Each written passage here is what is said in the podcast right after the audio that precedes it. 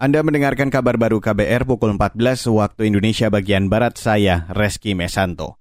Saudara Majelis Ulama Indonesia atau MUI diminta tidak diarahkan ke politik karena akan memecah belah umat. Hal itu diungkapkan Wakil Presiden Maruf Amin yang juga Ketua Dewan Pertimbangan MUI saat silaturahmi bersama BPKH dan Bank Muamalat Indonesia. Politik silahkan saja, tapi tidak membawa majelis ulama.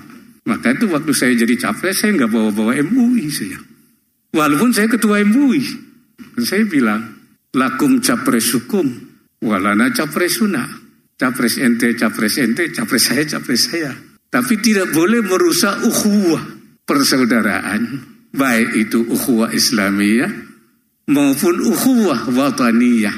Wapres Maruf Amin juga menyoroti adanya upaya-upaya provokasi untuk memecah belah bangsa. Apalagi banyak fitnah berkembang yang membuat kebenaran makin samar. Melihat kondisi ini, Maruf berharap MUI dan MPR menggelar silaturahmi nasional untuk mencegah perpecahan bangsa. Beralih ke Balikpapan, Saudara, Wali Kota Balikpapan Rahmat Masud sudah berkomunikasi dengan Pertamina tentang kebakaran kilang minyak Balikpapan yang terjadi Minggu 15 Mei lalu. Namun hingga kini belum ada laporan detail terkait insiden yang menyebabkan satu orang tewas dan lima orang luka itu. Ya kita itu ikut prihatin kemarin apalagi ada korban jiwa ya mudah-mudahan ini tidak terulang lagi lah.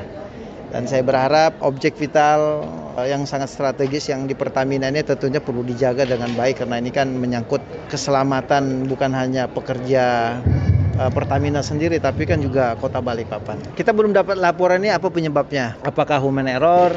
Saudara itu tadi Wali Kota Balikpapan Rahmat Masud. Terkait peristiwa kebakaran tersebut, tim Laboratorium Forensik Surabaya sudah melakukan olah TKP di lokasi. Sebanyak tujuh orang dari perusahaan kontraktor maupun Pertamina sudah menjalani pemeriksaan.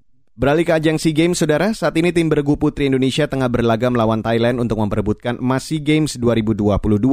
Di partai pertama, Putri Kusuma Wardani masih bertanding melawan Porn Pawe. Di set pertama Putri kalah 16-21. Di atas kertas, Putri memang sedikit tidak diunggulkan karena lawannya berperingkat lebih tinggi. Sementara pada partai kedua, ganda putri Indonesia akan menurunkan Apriani Rahayu dan Siti Fadia melawan Jongkolpan dan Rawinda Prajongjai. Di partai ketiga, tunggal putri akan menurunkan Stefani Wijaya melawan Supanida Katetong. Dan saudara, demikian kabar baru saya Reski Mesanto.